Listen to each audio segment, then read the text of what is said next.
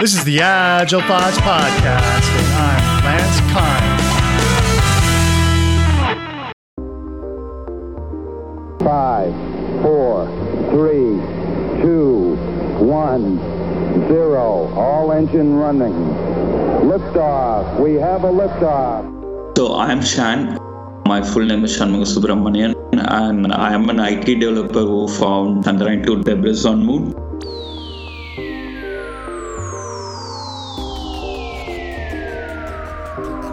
This is a continuing episode of a series with lunar explorer Shanmuga Subramanian.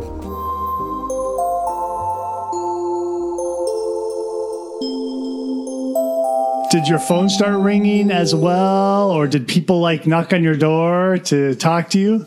Yes, it actually started ringing because at four o'clock itself I saw okay uh, they have credited me, so I got a lot of messages in Twitter itself. Uh, so I had an email interview with one of the New York Times reporters, and after that they contacted me via Twitter and got my phone number. Then it started ring, ringing, and uh, people started coming to my house to take interviews of me.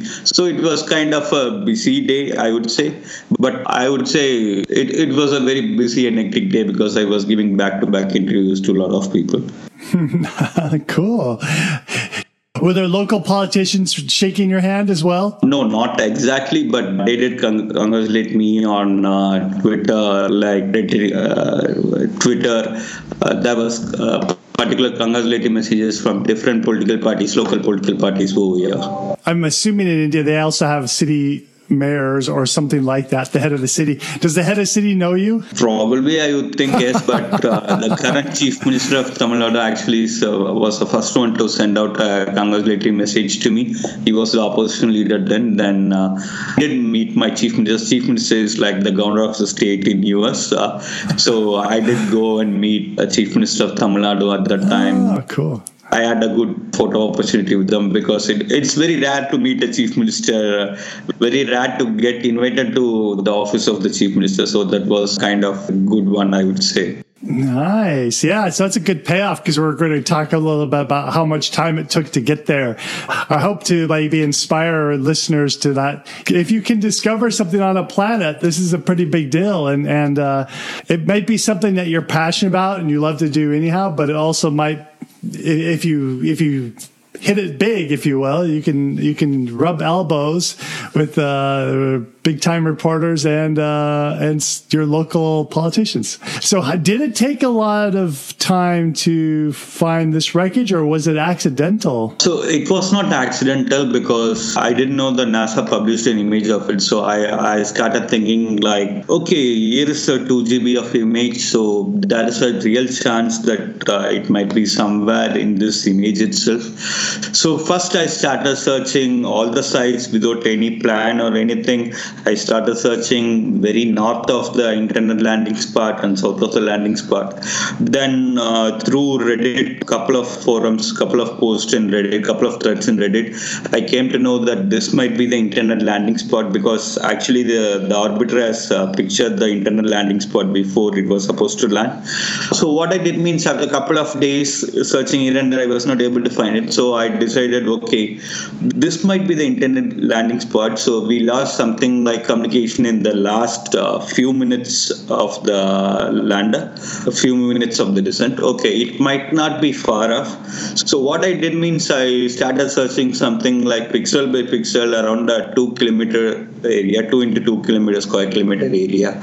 So I went through all the pixels in the two kilometer area. At last, I was able to find something out of ordinary, a tiny white speck, and uh, what I did was I uh, I was able to compare those images, compare uh, with the other images from the LRO, which was of the same location that was taken in the past, something like five year or four year, three year images, something like that. So in all those images, the tiny spike, white speck was not visible, whereas in this image, the newer image it was visible. So when I did this comparison and sent out an email to Mark Robinson, of Arizona. Then he started looking uh, into that more seriously and took it forward further, I would say. Yeah. All right. So, how many hours did you spend on this? Uh, I had a day job. I had an IT day job, something like nine to six. It might be something like nine to eight sometimes also, because we would have late uh, late night meetings with the counterparts who are in Central Time Zone, and. Uh, so what I did was uh, whenever so it's it's kind of I started early in the morning, six o'clock, and started looking into these images for two hours. Then came back in the night and started again looking in the images from 10 to 2 a.m. in the night, like that for something like four days. On uh, when I found out that I first sent out a tweet on October 1st, tagging NASA and ISRO, saying this might be the lander and after that when, when i didn't get any response okay let me email someone from the actual team itself so that's when i started uh, reaching out to mark and others over the email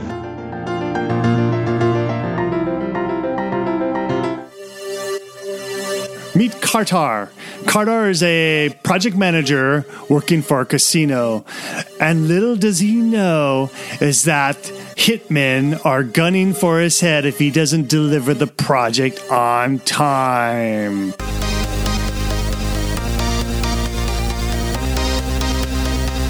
Kartar has caught the attention of a Rishi, and this Hindu demigod is not satisfied with helping Kartar change just his project, but he wants Kartar to change his life as well. Read about Kartar's life in Agile Noir.